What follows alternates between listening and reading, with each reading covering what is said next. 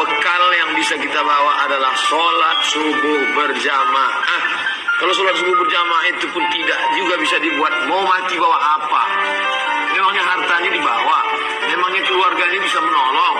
Nanti dikubur mau bawa apa? Makan mati dimakan cacing tanah. Sholat subuh berjamaah. Tidak lebih tidak kurang. Sholat subuh berjamaah Allah mau sebentar saja nyawamu dia cabut. Nafasmu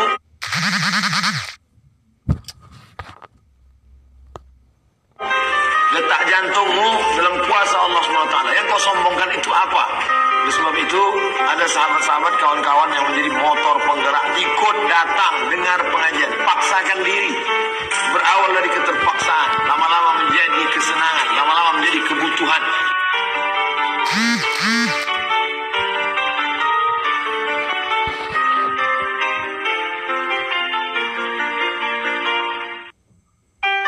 Di antara bekal yang bisa kita bawa adalah sholat subuh berjamaah.